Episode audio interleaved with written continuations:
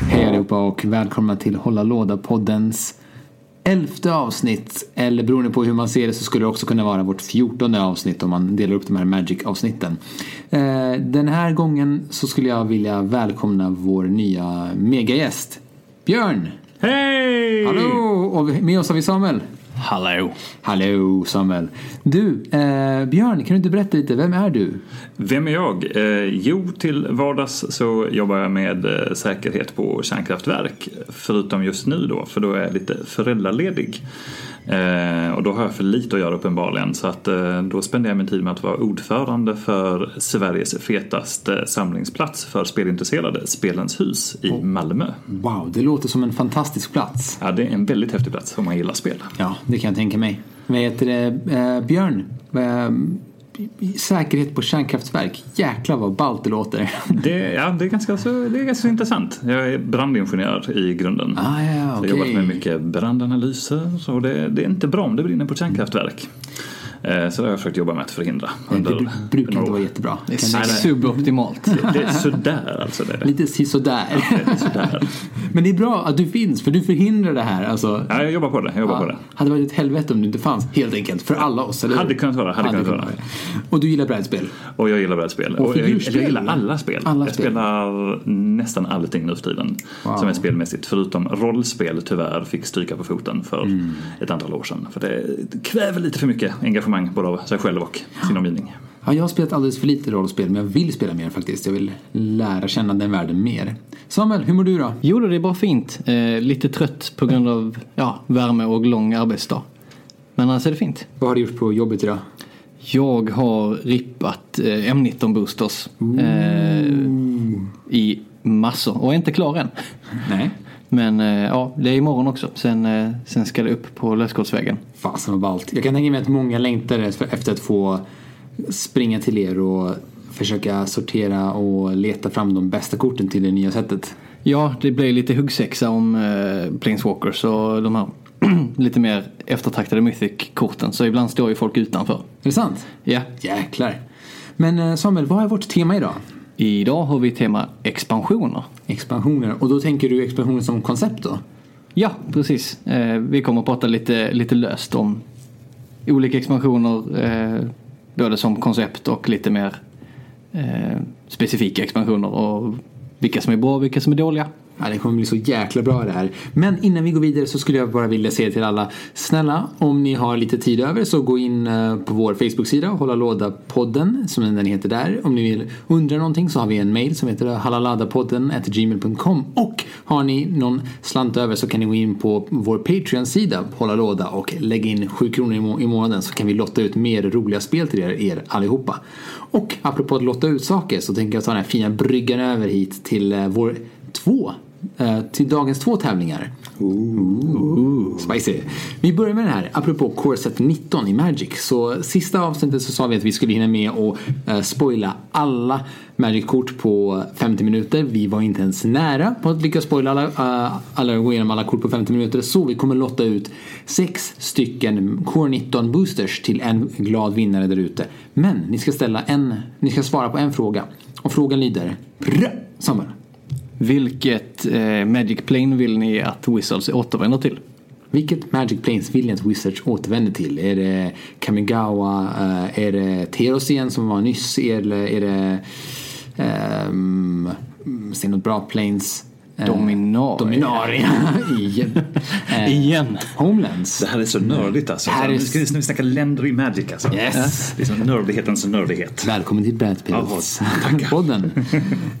ehm, och så alltså, första frågan. Vilket Planes vill, vi att, vill ni att Wizards ska återvända till? Och nummer två, vi har en speciell tävling. Och det här vill vi tacka några personer lite extra Ja, för. vi vill tacka Pablo och Tove på eh, World Shapers som har gjort eh, kortspelet Sumaka. Yay! Eh, Och de har valt att donera Sumaka till, till tävlingen. Så att vinnaren kommer alltså få ett Sumaka skickat direkt från dem hem till sig. Det är så jäkla fint av dem. Tusen tack. Ja. Ja. Och tävlingen är ganska enkel. Eh, Hitta på en expansion till ett spel som inte redan finns. Och namnge den och beskriv kort vad den går ut på. Vi ser så mycket fram emot alla era svar.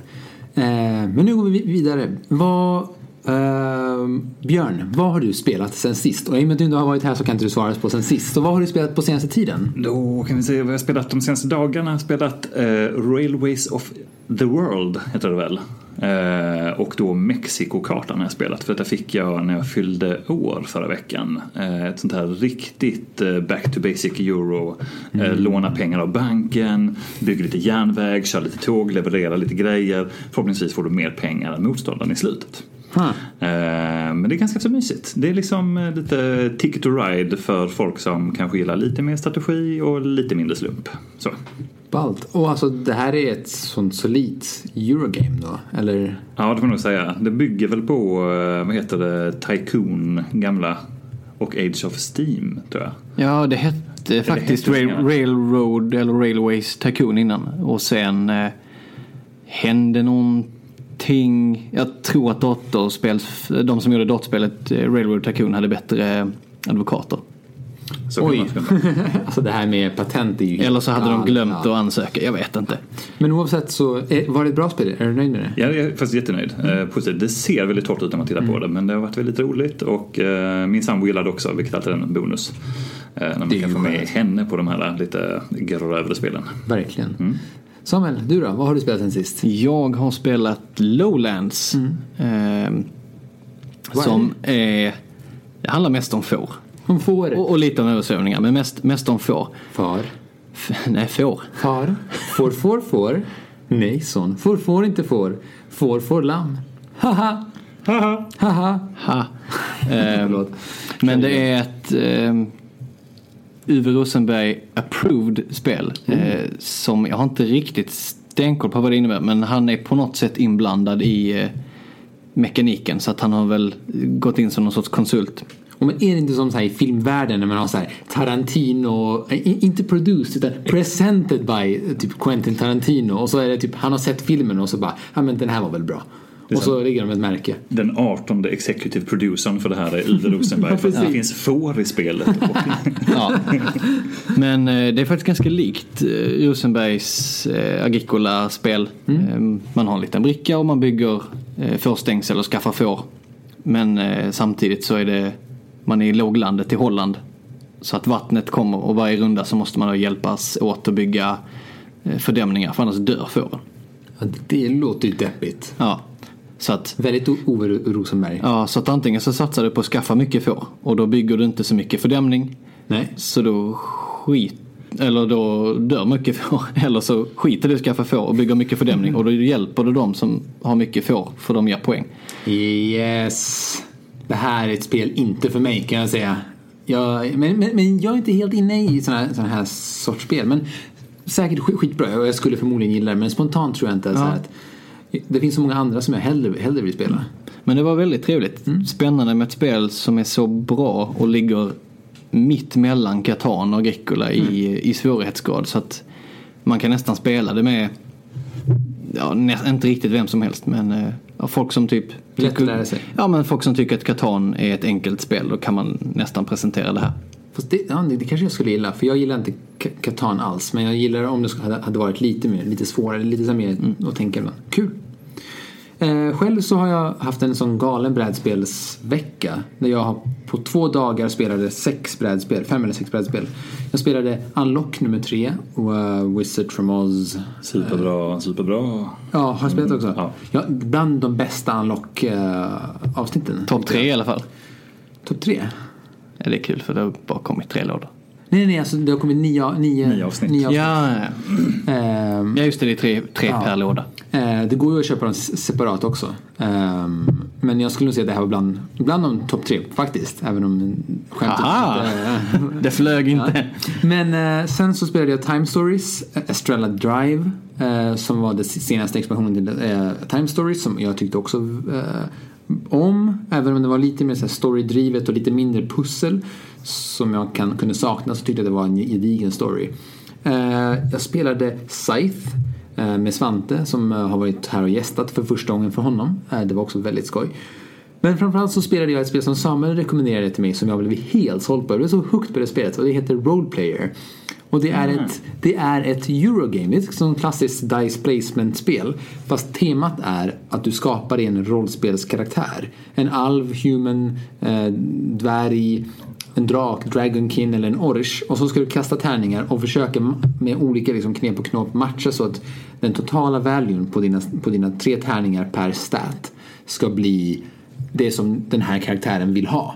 Och det, ja, det var så himla himla kul. Så nu ser jag faktiskt fram emot att köpa expansionen Monsters and Minions som man faktiskt får spela med sin karaktär och göra någonting av med den.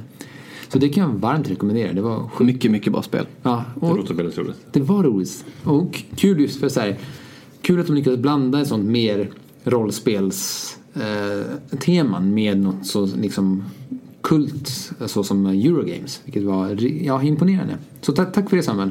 Varsågod. Ehm, men låt oss gå in på nyheter. Vad har hänt sen, eh, sen, sen sist? Jag har en stor nyhet. Ja, och det finns ett, ett spel som har varit superomtalat som har precis släppts Kickstartern igår. Som heter Cthulhu Death May, Death May Die. Det har jag sett. Som, det häftiga här var ju att de släppte en 58 cm stor Cthulhu-staty, omålad som man kan måla liksom. Och det här ser ju ut, och, det är ju Erik Lang och eh, vad är det han heter? Antoine Bausa. Just det, som, eh, ja han, Nej. nej, nej, han, nej det är han Legacy-killen. Ja, Rob W. Just det. Ja, just det. Lang och Bausa släpper däremot ett annat spel som Just- heter Victorian Ja, så var det. Masterminds. Så var det. Som Men, eh, fortfarande inte har kommit. Nej, det har inte gjort. Men Det- Davieux har ju gjort äh, Legacy-spelen, Pandemic, Legacy, Seafall och även äh, Risk Legacy. Och det här är någon form av blandning av Zombicide och någonting annat. Ehm, så kanske lite Blood Rage. Jag, jag vet inte exakt vad spelet är men det var, alltså figurerna verkar balla och det verkar ha lite legacy-element i sig. Eh, Men framför, framförallt tycker jag den här 58 cm stora Cthulhu-statyn måste vara en dröm för figurspelsmålare. Den viktigaste frågan är ju, får man spela med den? Nej, det får man inte göra. Fan! Ja. Har man inte 225 dollar så får man inte spela med den. House, house rula in den stackaren. Sina fe- 50, 58 centimeter. Jag tror de när de marknadsförde så satte de liksom den här statyn bredvid han som hade skulpterat ens dotter som är ett år gammal. Och när hon sitter ner så är de på ungefär samma nivå. Ja, den är jättehäftig. Men den Men, är eh, snygg. jätte, Den är jättesnygg. Otroligt snygg. Men du är figurspelare va?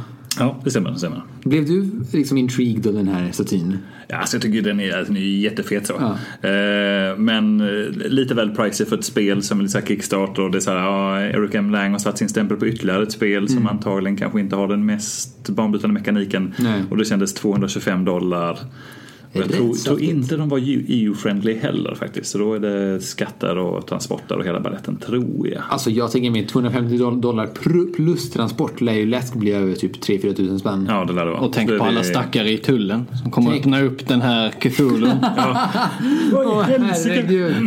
Det Men måste vara nej, fe- fet alltså, men eh, lite för dyr. Eh, Jag är inte så här superinne på uh, Cthulhu-mytoset heller. Nej. Eh, men eh, de som jag känner som är det, jag känner några som har köpt den. Ja, du, gör det? Ja, men då kanske jag får spela med dem så slipper jag köpa min egen. För jag har ingen lust att ha en 58 cm stor Cthulhu-staty hemma. Även om det är ballt. Så... Alltså jag hade kanske köpt statyn separat och haft någonstans. Ja, kanske, kanske. Och fått den commission-målad. Ja, det är... Men, men, ja, snyggare i alla fall. Ja, den är väldigt, väldigt fin.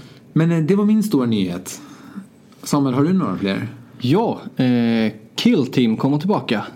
Eh, Warhammers Ja, skirmish eh, just det, ja. spel i, eh, i 40K-universumet som då inte som Necromunda handlar om eh, så, thugs som springer runt och slår på varandra med pinnar utan det här är liksom elitsoldaterna som man spelar med samma figurer som i, eh, i det vanliga 40K-spelet.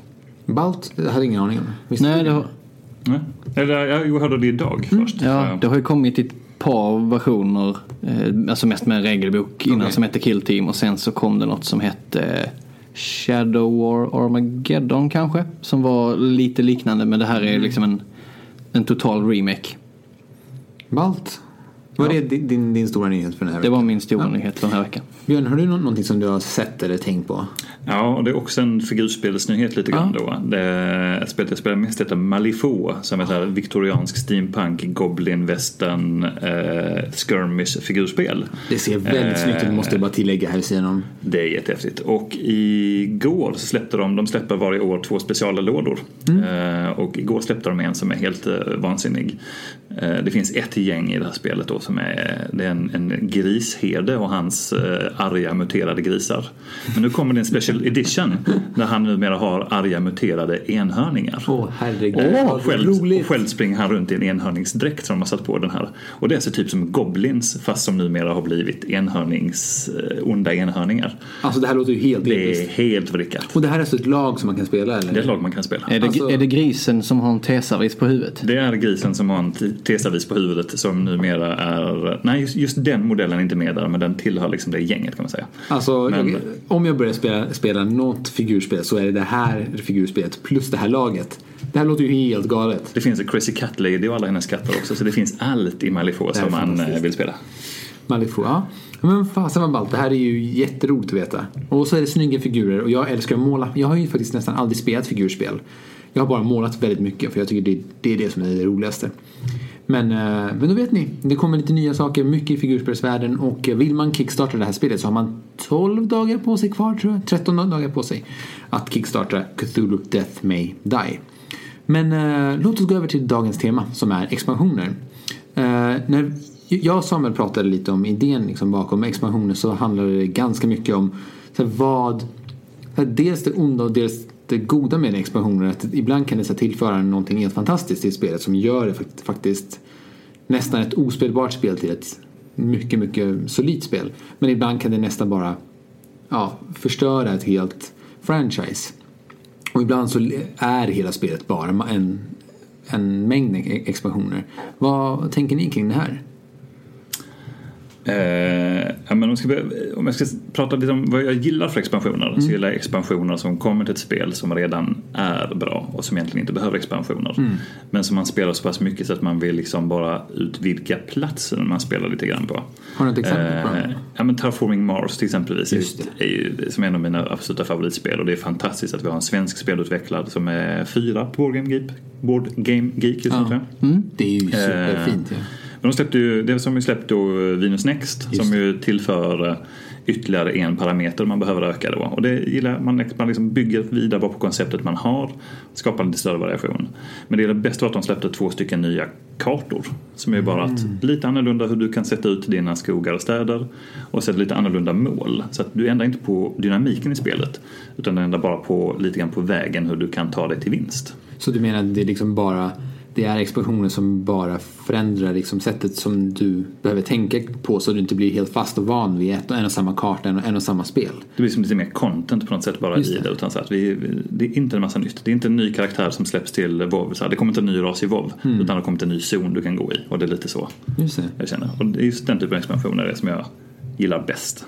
Har du några så fler som du spontant kan komma att tänka på? Som, Eh, vad finns det fler sådana som? Ja, men då, eh, som jag pratade om innan, Railways of the World eh, är ju ett sånt spel. Där man har små, små, små specialgrejer på varje karta. Mm. Men grundmekaniken är, och dynamiken i spelet är fortfarande likadan. Så man Mm. ändrar inte bara på kartan. Så du får liksom tänka om, tänka om lite grann. Men du behöver inte lära dig en massa mer nytt. Men För får jag fråga dig, för där, där tänker jag till exempel spel så som, låt oss kalla det, eller vad heter det, Ticket to Ride. Där finns det ju andra Ticket Rides med olika kartor, så Norden, Europa etc. Skulle man säga att det är expansioner eller är det egna spel?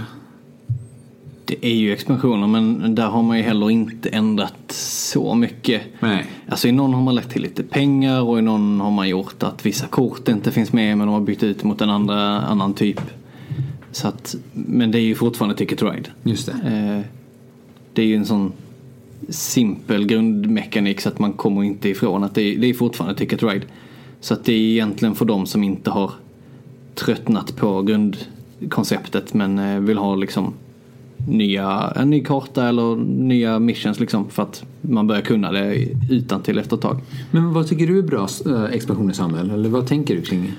Ja, Det liksom. jag gillar ju mest expansioner som lägger till någonting nytt.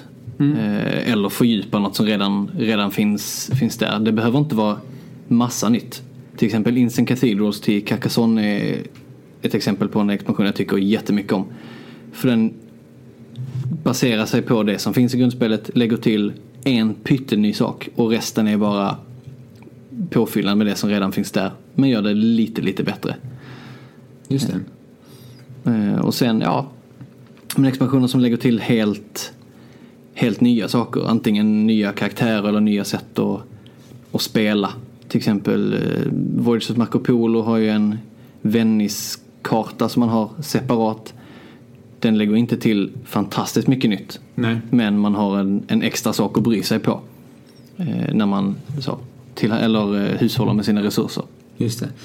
Alltså där, jag har tänkt så här ganska mycket på det här kring expansioner och jag tycker jättemycket om Pandemic. Det är ett ganska basic spel egentligen. Men de har ju så här kommit med ganska många expansioner och det känns som att till en början så var jag så väldigt glad att de utökade det som redan var bra och ganska solitt vid ett tillfälle. Till exempel, jag tror att Pandemic Legacy blev ett så lyckat Legacy-spel. Och var, var väl bland de första spelen som lyckades knocka Twilight struggle från första platsen på många, många år. Mm. Är för att Pandemic i sig var ett ganska solitt eh, spel. Och då lyckades liksom Legacy på något sätt bara lägga till ett ännu saftigare eh, element. Men någonstans på vägen så har eh, de här expansionerna också tagit udden lite av vad spelet en gång var. Till exempel i Pandemic så har de ju lagt till den här Bioterrorist. Där, ja, de, de lägger till en till funktion i spelet. Men där känner jag så här, det här har ju bara så här tagit på något sätt udden av vad spelet vad idén med spelet är. Ja, varför ska jag vara en bioterrorist? Nej, jag vet inte. Är det ens roligt? Ja, lite sådär. Eh, och sen så har de ju lagt till den femte mutationen. Mm, den är spännande men jag skulle säga att även om jag har köpt typ tre eller fyra expansionslådor så spelar jag fortfarande bara grundspelet. Eh, eller så här, jag, jag blir glad för de extra karaktärerna som finns men alltså tycker inte ni att, att det också kan hända att man så här, exploaterar lite det här med expansioner? Att det, att det bara så här, produceras för att säljas? Jo absolut och eh, Carcassonne som Samuel nämnde är ju mm. väl praktexemplet egentligen. Eh, Instant Cathedrals jättebra, man, man stoppar in lite nya moment. Eh, The River jättebra, man ändrar igen på dynamiken hur kartan fungerar. Och sen så dök det upp prinsessor och drakar och ja... En katapult i bambu. Ja, nej men det, det spårar djur fullständigt. Och jag håller helt med också om Pandemic också att just själva grundmekaniken i det spelet är så förbaskat bra. Så det är så svårt att tillföra någonting utan att man rubbar på den. Alltså väldigt, så det, det är ganska svårt när man börjar spela Pandemic. Alltså det är svårt att förklara för någon den här leken hur den snurrar runt och har sig. Men när du väl kommer in i det så är det så enkelt greppbart och väldigt ja, alltså en intelligent mekanik. Extremt. Och då, då, då tycker jag att, att man ibland så här har ja, men, liksom varför, varför paja något som funkar? Så, eh, eller så är det kanske det som du var inne på Björn tidigare att det här är bara någonting för de som redan har spe- spelat Pandemic 10 000 gånger och kan spelet utan och innan. Eh, Så är, det, så är det, här, det här för dem om de vill så här spicea till det. Men då undrar jag så här, de här nya Pandemic-spelen som inte är eh, expansioner utan egna sätt. Vad, vet ni något om dem? Vad tillför det? Jag tänker på Iberia och, Och eh, Cthulhu. Ja. och eh, den här när man dikar ur Holland. Vad heter den? Ja, just det. Ehm, ja, ja, men ja, den. Rising Tide heter den. Rising Tide heter den ja.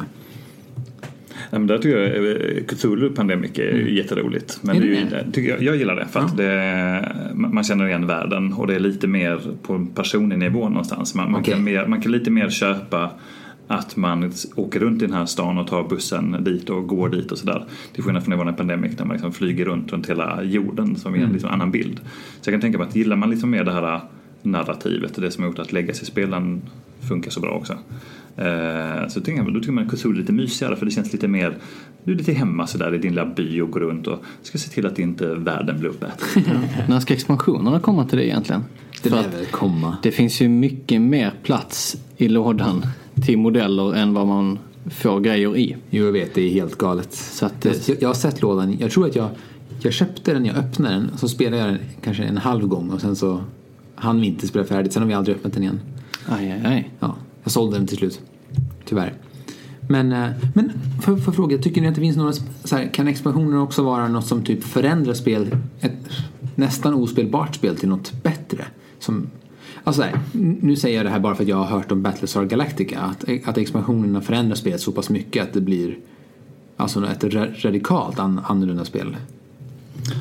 Jag har inte spelat med expansionerna men jag har hört samma sak. Mm. Uh, jag har jag vet ju att de är väldigt uppskattade men jag har själv, så, jag har själv väldigt svårt, utan att ha spelat dem, svårt att förstå hur man kan göra det så mycket bättre än vad det är. För det är ju både ett, ett, ett väldigt bra spel, det är en bra adaptering av en eh, populärkulturfenomen in i ett spel och dessutom ett väldigt spännande föräldrar liksom ett, ett, socialt experiment. Som också har tagits till andra spel vilket är ganska kul. Så ja. Dead of Winter till exempel.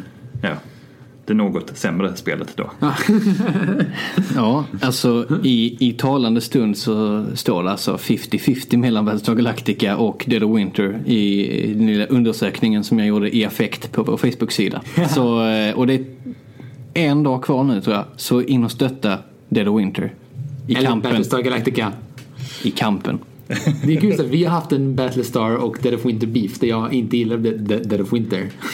Nej, jag har hört, eh, hört avsnittet ja, om har... den uh, sociala aspekten i varför du kanske, ja. varför du kanske kan... hatar den. Ja, du har hört det? Ja. Okay. Jag tycker båda är jättebra spel men jag tycker uh, det, Battlestar Galactica blir lite mer dynamiskt. Mm. Uh, det tendens att man hamnar lite stillastående i... Det är discontinued. Va? Ja. FFG gick ut med att nej, det blir inget mer. Ja. De ska sluta trycka. Ja, så kan det gå. Eh, tydligen inte för att de inte vill fortsätta trycka utan för att licensen finns inte längre. Jag vet inte, alltså så gammal är inte serien så jag vet inte riktigt vad som har hänt där. Ja. Men eh, ja, tråkigt. Väldigt tråkigt. Men eh, Samuel, vad tänker du just kring hela liksom expansionsbiten? Och det här ja, jag, jag sitter och försöker tänka på ett spel som är dåligt som jag sen har spelat med expansion mm. och tyckt om och kommer inte på någonting. Däremot så eh, Isle of Sky till exempel är ju ett helt annat spel i grundutförandet men när man lägger till expansionen så flyttas det då från att vara ett gateway-spel till att bli typ ett medium heavy eurogame. Mm. Så där innehåller expansionen allt nästan som det sammansatta spelet eh, innehåller. Så att eh, ja, jag kan inte komma på något spel som har, blivit, som har varit dåligt men blivit bra med expansioner. Men alltså nu funderar jag på så här, har ni, är det så att expansioner har blivit ett ganska nytt fenomen? Alltså jag kan inte komma på expansioner för typ tio år sedan tillbaka eller mycket, mycket, mycket färre. Alltså det känns, upplever jag, har kommit mer nu på senare tid. Um, är det så? Ja. Det är så? Uh, jag har en killgissning på detta. Okay. Uh, en högst professionell killgissning. okay. uh, det kommer så himla mycket spel nu för tiden. Mm. mer spel än vad alltså konsumenterna kan hantera. Ja. Vilket gör att det är bara de allra, allra bästa spelen eller de som blir mest populära som, som hänger kvar. Okay. Så företagen tar liksom en säck med spel och så kastar de dem mot, mot ett nät och sen är det vissa saker som fastnar. Men långt ifrån alla. Och de spelen pumpar man sen ut expansioner till för att cashen ska in. Just det. Men det är en ganska så här, dystopisk bild av brädspel i sig. Att man bara producerar expansioner för att sälja och inte för att faktiskt tillverkarna älskar det här spelet. Jag tror det är väldigt spritt alltså, men det, det finns ju de här, även som Ticket to Ride och Carcassonne, där de som blev stora kommersiella succéer i sig. Och sen så sitter du någon tillverkare som tänker att nu, nu ska vi mjölka. Mm. Eh, och så gör man det så länge man kan. Men jag tror fortfarande ändå att de flesta expansioner är är oftast för att eh, designern haft någon idé som man inte riktigt får plats med eller som utvecklats under tiden. Eller som man känner att den är kanske inte så lättillgänglig så vi sparar den tills spelarna liksom blivit fångade av den enkla mekaniken i början. Mm. Men eh, Ofta. det har ju blivit storföretag idag. Jag menar, som, som Fantasy Flight Asmodee, de här giganterna fanns ju inte för några Nej. år sedan på samma sätt. Eh, då var det nog inte så mycket folk i gråa kostymer på de här företagen. Men det var väl så här, jag upplever det som att det är um att det fanns mer på något sätt kärlek till spelen förr i tiden och att det nu har blivit mer industri. Det är i och för sig som vilken annan alltså, kulturgenre som helst. Alltså, filmen blir ju industri så fort det kommer pengar i det. Teater blir industri, musik etc. Mm. Men det känns som att det här har hänt så pass nyligen i brädspelsvärlden och att expansionerna är ett sånt sy symptom på det också. Um, men jag, men jag tänker här, att vi idag har ett helt annat sätt att kunna distribuera ex, alltså spel och expansioner och, och på så sätt också möjlighet att faktiskt kunna synas, alltså tack vare internet. Mm. Uh, och inte minst då Kickstarter, för det känns som att alltså, brädspel måste vara det största uh, på Kickstarter. Ja, det, det är den största ja. kategorin. Och då tänker jag så här um, att, att det finns gör ju också möjlighet för spel såsom ja, men till exempel um, Death May Die, Cthulhu, att, att finnas överhuvudtaget. Då ingen tillverkare skulle våga chansa på att tillverka det här spelet. Nej, som Kingdom Death Monster som eh, väl kostar 3 500 någonting att köpa. Ja, minst. Det, hade, ja, det var Eller det som... billigaste pledgen. Ja. Men eh, det spelet är ju så att så som han har skapat det, alltså ja. det, det, är ju eh, en, en enorm upplevelse förstår jag från de som spelar det. Att det hade aldrig gått att sälja din butik. Det, det går Nej. inte så att då måste man ha det mediet.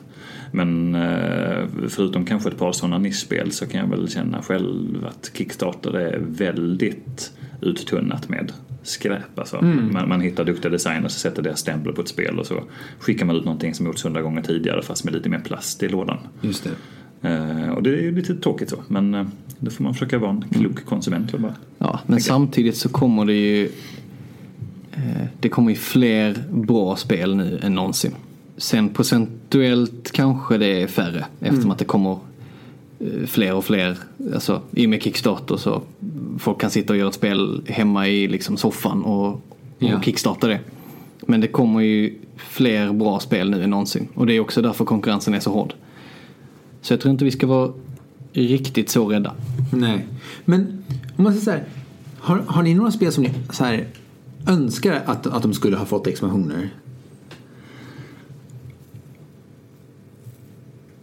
För jag har ett som jag vet aldrig, förmodligen aldrig kommer få ett. Så jag säger det här med så, så, så, får, ni tänka, så får ni tänka vidare ja. lite.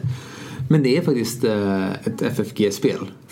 och det känns som att Final Fantasy Games är de som släpper ut flest expansioner och pumpar ut som uh, crack. Men det är ju faktiskt uh, For, Forbidden Stars. Ah, det skulle, det skulle få en expansion. Ja, sen så blev, fick de licensen indraget. Har ni spelat Forbidden Stars? Mm. Jag tyckte jättemycket om det. Framförallt så tyckte min fru om det spelet också. Och jag tyckte om att de blandade både så här, eh, draw, alltså förlåt, eh, draftmekaniker i ett brädspel. Och det var, det var, det var liksom så här ett hopkok av massa olika idéer. Och det kändes så här, det hade kunnat bli bättre med en expansion också. Lite mer liksom fokuserat. För det, det kan ibland kännas lite så spritt och lite löst. Men det hade de så kunnat nästan så här fixa det. Och då kan man också se så här, expansionen som en patch typ. Så här, mm. Som släpps i nästa utgåva som fixar här små problem. Och då hade det, det ju gjort spelet ännu bättre. Så det är något som, som jag så här saknar, hade, här, hade önskat att det fanns. Mm. Jag kom på ett som, det har för sig fått lite små expansioner från andra spel men det är eh, Laukats uh, Above and Below. Det har ju kommit andra spel och alla hans spel är lite grann på samma tema.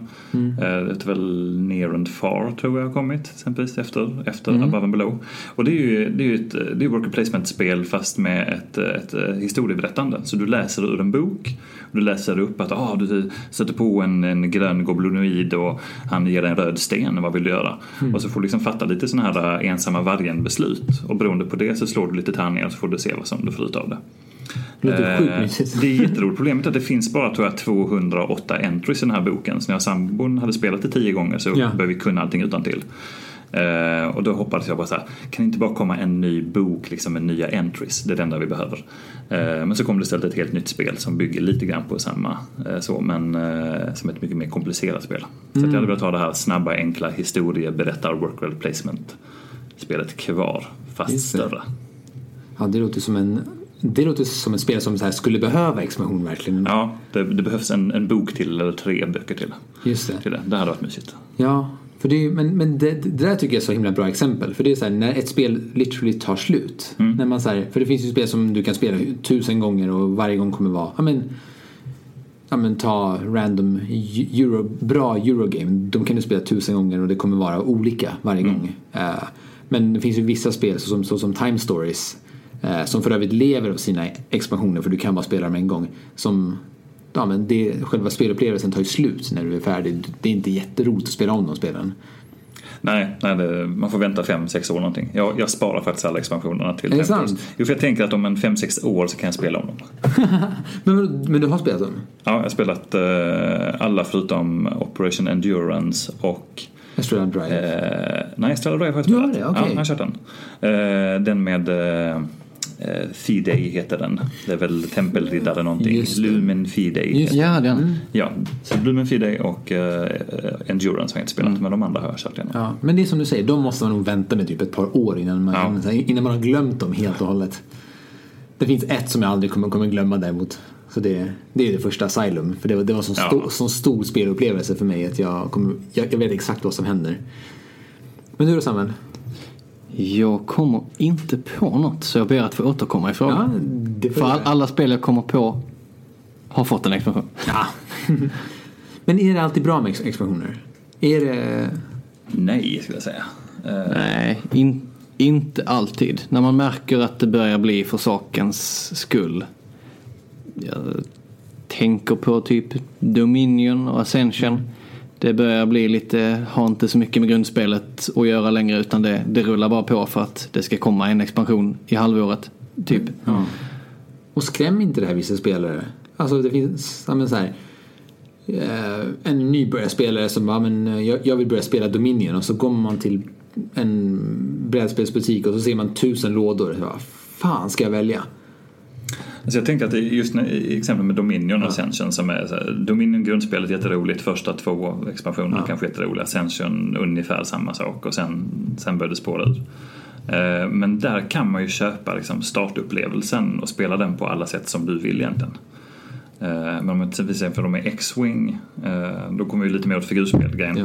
När du, ja, nu kommer det en ny edition som tar bort det här problemet men att du var tvungen att köpa skepp som, du, som inte ens var i din faction för att du vill ha tag på kort Oj. som du behövde. Och du måste ha rätt kort för att få spela i av Fantasy Flight sanktionerade turneringar.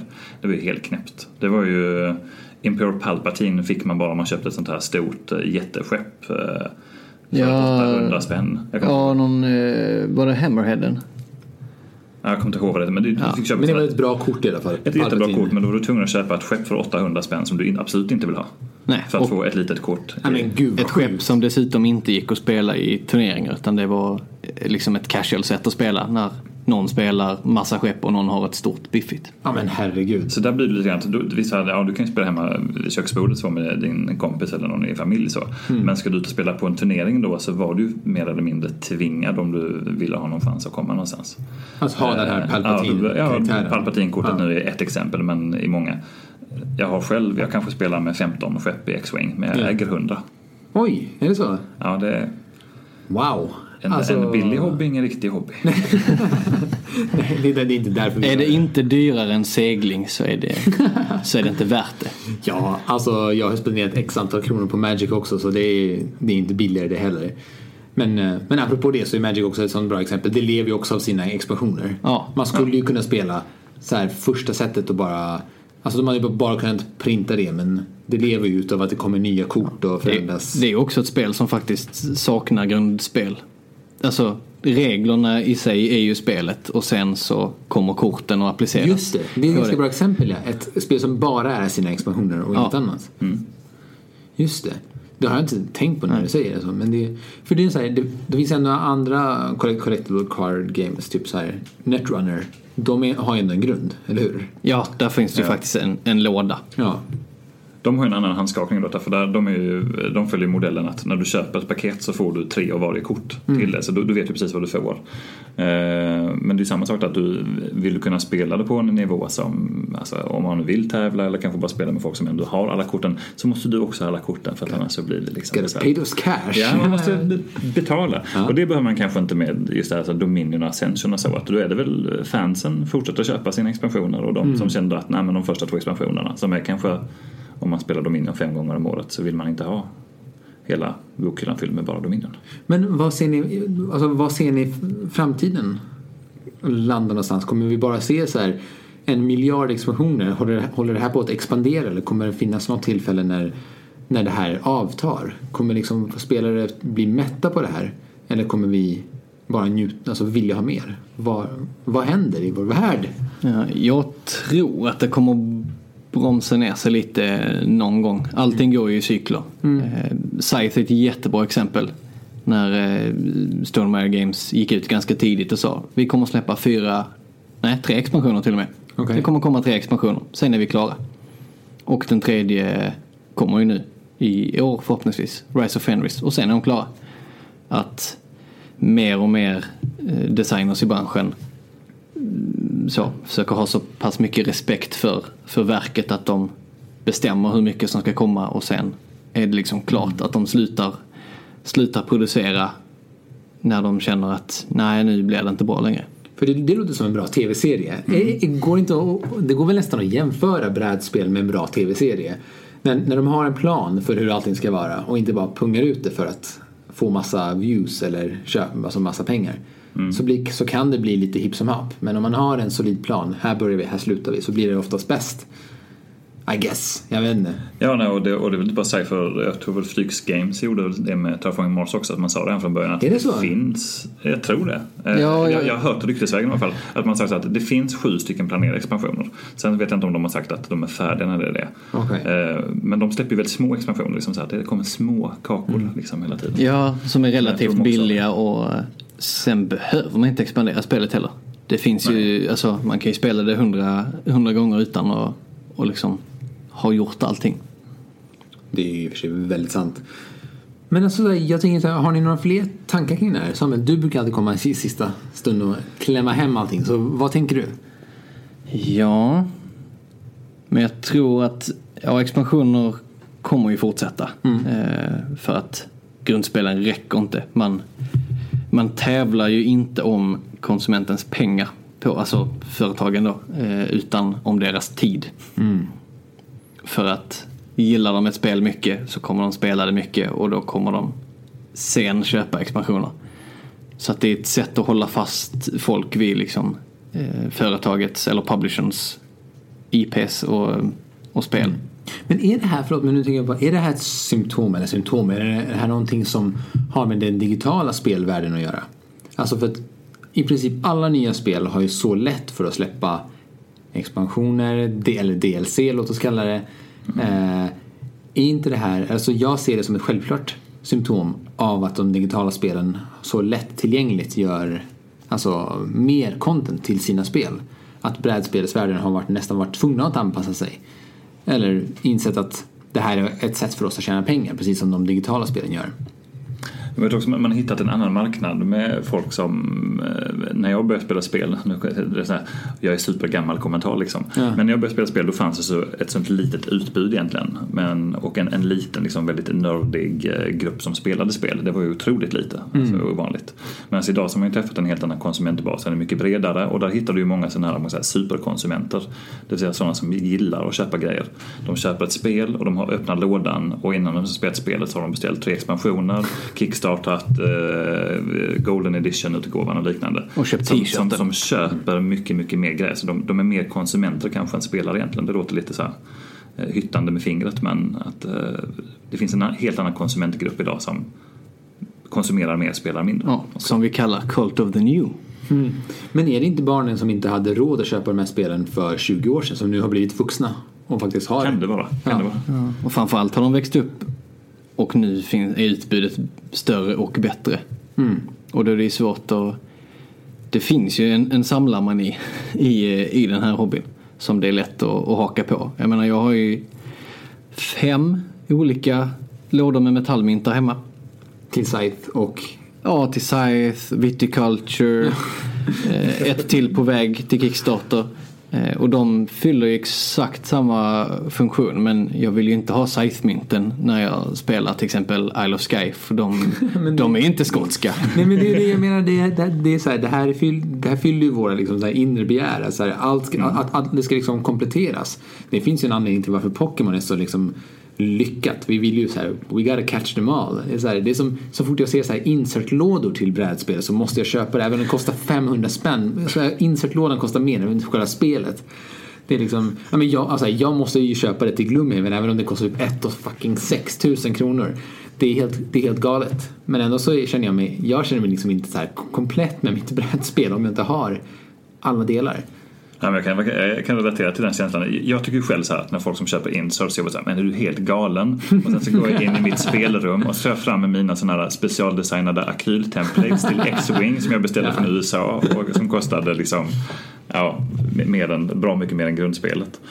och det, det, är ju någonting som det här med att man har liksom sina, sina pretty things, Ja. my precious, lite så. Och det, det är en del av hur vi gillar att konsumera idag, tror jag.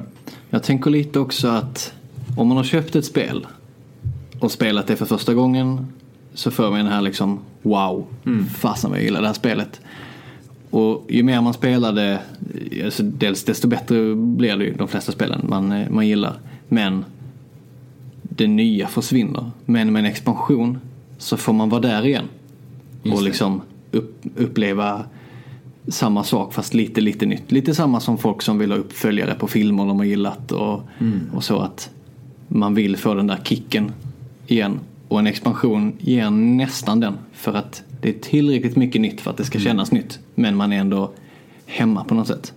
Men apropå det så tänker jag så här, vi ska så här sakta börja avrunda lite här och då vill jag bara liksom så nämna om, om, vi, om, om ni också bara så skulle kunna säga till några till alla våra lyssnare vad ni tycker är spel, några som ni har spelat eh, utöver de vi har sagt som har expansioner som ni tycker faktiskt har varit, har varit riktigt bra eh, som ni skulle vilja ta upp här. Eh, Björn, har du några som du tänker på? Ja, Och, eh, och, och, och då vilka mekaniker också som de har gjort som har varit relevanta för dig. Ja, jag tar det kort, jag tar kort Terraforming Mars-grejen då som vi pratade om tidigare. Just, just att man får en ny karta som gör att man kan variera spelet på ett, ett subtilt sätt. Eh, sen spelar vi väldigt mycket Hive hemma. Eh, Vad är det för? Det är typ eh, schack med insekter eh, där du bygger spelbrädet under tiden du spelar det. Eh, handlar, area control-spel där du har liksom insekter som staplas på varandra eh, och alla kan röra sig på olika sätt. Och i grundspelet då så fanns det fyra eller fem olika insekter som hade lite olika sätt att röra sig men vissa var liksom distinkt bättre än andra. Eh, Men de har släppt tre expansioner med typ så tre års mellanrum eller någonting. Eh, väldigt långsamt. Så nu finns det typ åtta olika insekter. Men det har liksom ändrat dynamiken på ett intressant sätt. Och du kan det plocka bort för du har bara typ två pjäser av varje. Så du sa, nu tar jag bort de här två pjäserna så nu spelar vi inte med nyckelpigan idag. Så då blir det ett lite mer defensivt spel liksom. Så att man kan väldigt enkelt konstruera ja, hur man vill spela spelet. Och det tycker jag är jättehäftigt. För då har man liksom med små medel lyckats bygga på med expansioner och skapa en, en större upplevelse. Vad coolt. Det är ju så här, där har de verkligen i så fall lyckats ändra på nästan hela spelmekanik tack vare expansionerna. De första två expansionerna var ganska så offensiva i sin karaktär och sen släppte man då en lite mer defensiv eh, som senaste. Uh, nej, jättehäftigt hur man med så enkla spel kan skapa så pass mycket djup med små, små expansioner. Varje expansion är liksom en pjäs till varje spelare. Ah, häftigt. vad ballt. Ja. Har du något mer du tänker på? Eh, Five Tribes är väl en sån annan favorit. Eh, den heter väl Gins of Nagala tror jag expansionen. Och den är också lite, lite på samma tema. Eh, man, eh, om, man, om man inte har spelat Five Tribes så är det ett litet omvänt worker placement-spel. Man plockar bort pjäser från spelplanen. Eh, och eh, med expansionen då så den subtila delen då, där man fick berg. Så då kunde du inte längre plocka av pjäserna precis i den ordning du ville för att det var berg i vägen. Eh, så liksom en liten söt expansion för 130 spänn som ändrar på sättet du spelar ett redan väldigt bra spel. Så det är väl några av dem, mina, mina topp tre expansioner. Terraforming Mars med sina nya kartor, Hive med sina insekter och Five Tribes med sina Gins of Nagala. Ja, men det, är så, det, här, det här är så bra. Det är så bra tips för alla som lyssnar också, som vill ha ett spel. Alltså, många kanske äger Five Tribes men inte vet att det finns expansioner. Så det är ju så jäkla bra att bara så här, ge bra förslag. Och som en bubblare så får vi nämna Sci-Fi-expansionen också för att de, de ändrar ju ganska mycket. Eller Win Gambit. Ja, Wind Gambit, Wind Gambit. ändrar ju väldigt mycket men det är, det är så snyggt gjort och man, man, man märker att de har tänkt igenom det. Att det liksom passar in i temat. Så. Jag har inte köpt den, men jag ska köpa det. Jag Det var ju så Windgamet jag skulle säga. Ooh, ja, berätta. Samuel pra, prata mer om Ja, Wind Gambit. Ja. ja men det är ju precis som, som ni säger att den luftskeppen är ju faktiskt det minst intressanta med expansionen. Även om de är nice och, och lite coola och man kan måla dem så är det ju de här nya målen som man, eh, eller win conditionsen som är det mest intressanta. Som ändrar lite på hur man måste tänka under spelets gång och redan liksom de första actionsen man gör påverkas rätt mycket av det här. För det tycker jag är bland det häftigaste med Scythe är att det finns så många olika sätt att vinna spelet på. Alltså att det finns här, du ska lägga ut de här sex stjärnorna men det finns, vad är det, nio, tio olika sätt att vinna på. Ja. Och Wingambit lägger, väl till fler, eller hur? Ja, Det, det, ja, jag, tycker det är så bra. Jag tycker, jag tycker det är så briljant. Ehm, men jag vill också bara säga att jag kommer inte på någon mer än de jag har sagt. Som har varit så här riktigt bra. Jag ser fram emot ett och det här, alla ni som har lyssnat vet om det här. Jag, jag har spelat expansionen nu till äh, Ghost Stories. Som är spelet som är helt jäkla omöjligt att slå. Äh, men jag spelade den här Black Widow. Eller Black någonting. Black någonting. Som tillför att någon faktiskt spelar den onda karaktären i spelet. Men det gjorde spelet lättare. White Moon är det väl? Nej, White Moon är den jag inte har. Ja, Eh, men eh, det, här, det här var liksom expansionen som gör att man faktiskt tillför en extra alltså spelare som spelar the bad guy. Men det gjorde ju spelet lättare för att spelet är så svårt i sig. För så länge man köper den taktiken att bara så här kasta på massa spöken så förlorar man oftast. Men så fort man får val att göra andra saker så slår det ner allt annat. Och det gjorde ju att, att det var nästan lättare. Så jag vet inte. Men jag, jag har hört att den här White Moon är riktigt bra. Eh, Så det ser jag fram emot att, att få spela när, det, när de trycker igen för det verkar vara slut överallt. ja. Damn it. Alright, vi ska börja avrunda. Är det något mer ni har, eller vi ska avrunda, är det något mer ni vill säga innan vi eh, avslutar? Eh, ja, men då gör jag väl en, en liten sådär som det, det är lätt att kicka på Fantasy Flight är det, för att de, de, de är bäst på att exploatera Ja. expansionen. Men nu gör de ju en snygg grej med, eh, de släpper X-Wing i 2.0 eh, och då skriver de inte ut några, eller kostnaderna för när du köper en pilot eller uppgradering och sånt kommer inte stå på korten längre utan det kommer vara appstyrt.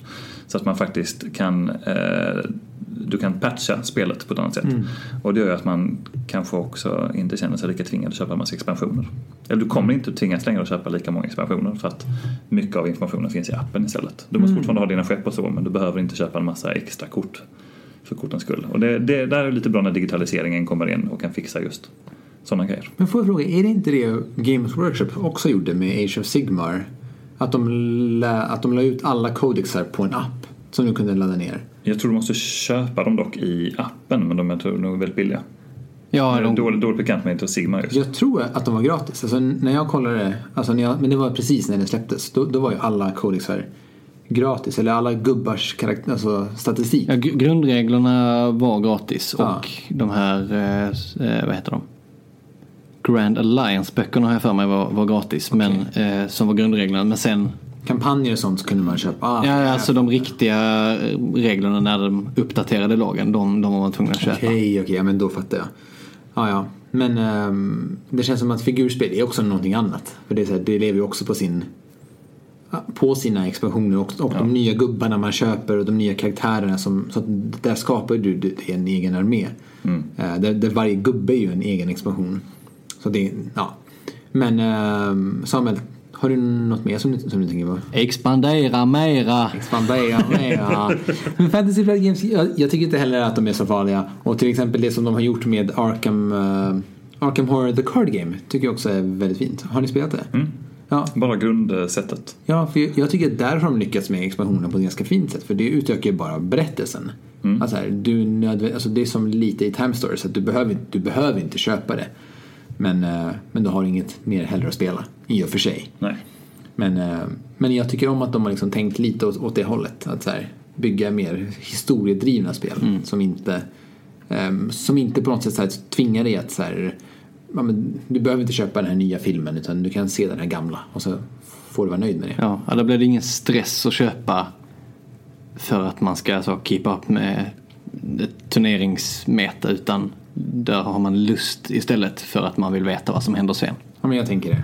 Släpper de inte dessutom nu The Hobbit uh, Living Card Game? För att det har ju blivit så pass stort, alltså det är så mycket expansioner i det. Ja. Så att då blir det kanske lite som vi pratade om innan, att man skräms som kund. Men nu gör de ju en digitalisering av det istället, så då kan du få Jag tror precis det har eh, släppts på Steam. Ja, I så fall ska jag gå hem och shoppa ikväll. Ja. Det verkar jätteroligt. Men jag har varit lite så att jag orkar inte börja köpa på mig alla de här korten för jag har liksom bokhyllor fyllda med kort där hemma. Så att Ja, jag eh, när det de- här kom liksom så här, här finns det ett digitalt sätt nu för att uppleva det här. Så det är superbra, supervälkommet. Ja, de är uppe i typ, jag tror det är 80 expansioner eller något sånt. Jesus, det är jättemycket. Det är långa böcker. Så, en sista fråga. Om ni får en expansion till vilket spel som helst, det behöver inte vara bra eller dåligt, vad skulle det vara för, för spel? Oh. Jag vet ett spel som jag alltid tänkt så att jag vill ha en expansion till det för det är ett sånt otroligt bra spel men jag vet inte vad expansionen skulle göra för att spelet i sig är så himla bra. Ja. Och det är ett spel som väldigt få känner till som heter Ekö. Okej. Som har världens bästa bakgrundshistoria om någon, en pappa som dödar sina söner för att de alla försökte få tronen. Så nu tvingas de att slåss mot varandra på ett eternal battlefield eh, där de sl- dödat varandra i tusentals år. Eh, det hade jag gärna sett att det kom expansion till men jag vet faktiskt inte vad, den vill göra, vad jag vill att den ska göra. Men det är ett sånt bra spel som jag bara vill ha mer av. Ja, det är ju ett bra exempel. Ett spel som jag vill ha mer av. Love it. Samuel. Men då säger jag Clans of Caledonia. Ja, Bara- såklart. Bara, else? bara för det är nice. Varför är det nice? Det behövs inte men det är nice. Nice. Och då avslutar jag med att säga att jag vill ha en expansion på Monopol med legacy-element. Punkt. Det lär komma, det lär komma. Det lär komma ja. Ni ska se här, Samuel gav mig den argaste blicken nu. Vänder sig bort, skakar på huvudet. Nya Finans Legacy, det finns massa där. Oh. Bondespelet Legacy. Jägersro legacy. Oj, oj, oj, Lasse. Kroners Wall Street Legacy. Dan Glimne kommer igen med Drakborgen Legacy. Nu ännu mer omöjligt. Och så ska man faktiskt ge de här badgarna igen. Jag, jag klarade Drakborgen. Kommer, Ja. du, kommer ni ihåg dem? Jag har, jag har ett sånt klistermärke Nej, hemma. har du det? Jajamän. Herregud. Har du, har du snott det eller har du klarat Drakborgen? Jag betalade mycket pengar på Tradera. Och med detta sagt så är vi jätteglada för att ni lyssnade. Tack så mycket Björn för att du kom hit. Det var jättekul att snacka med Det var dig. jätteroligt att vara här. Ja, Samuel. Fett bra jobbat idag också. Tack. Vi ses snart igen och eh, stay tuned. Och spela spel.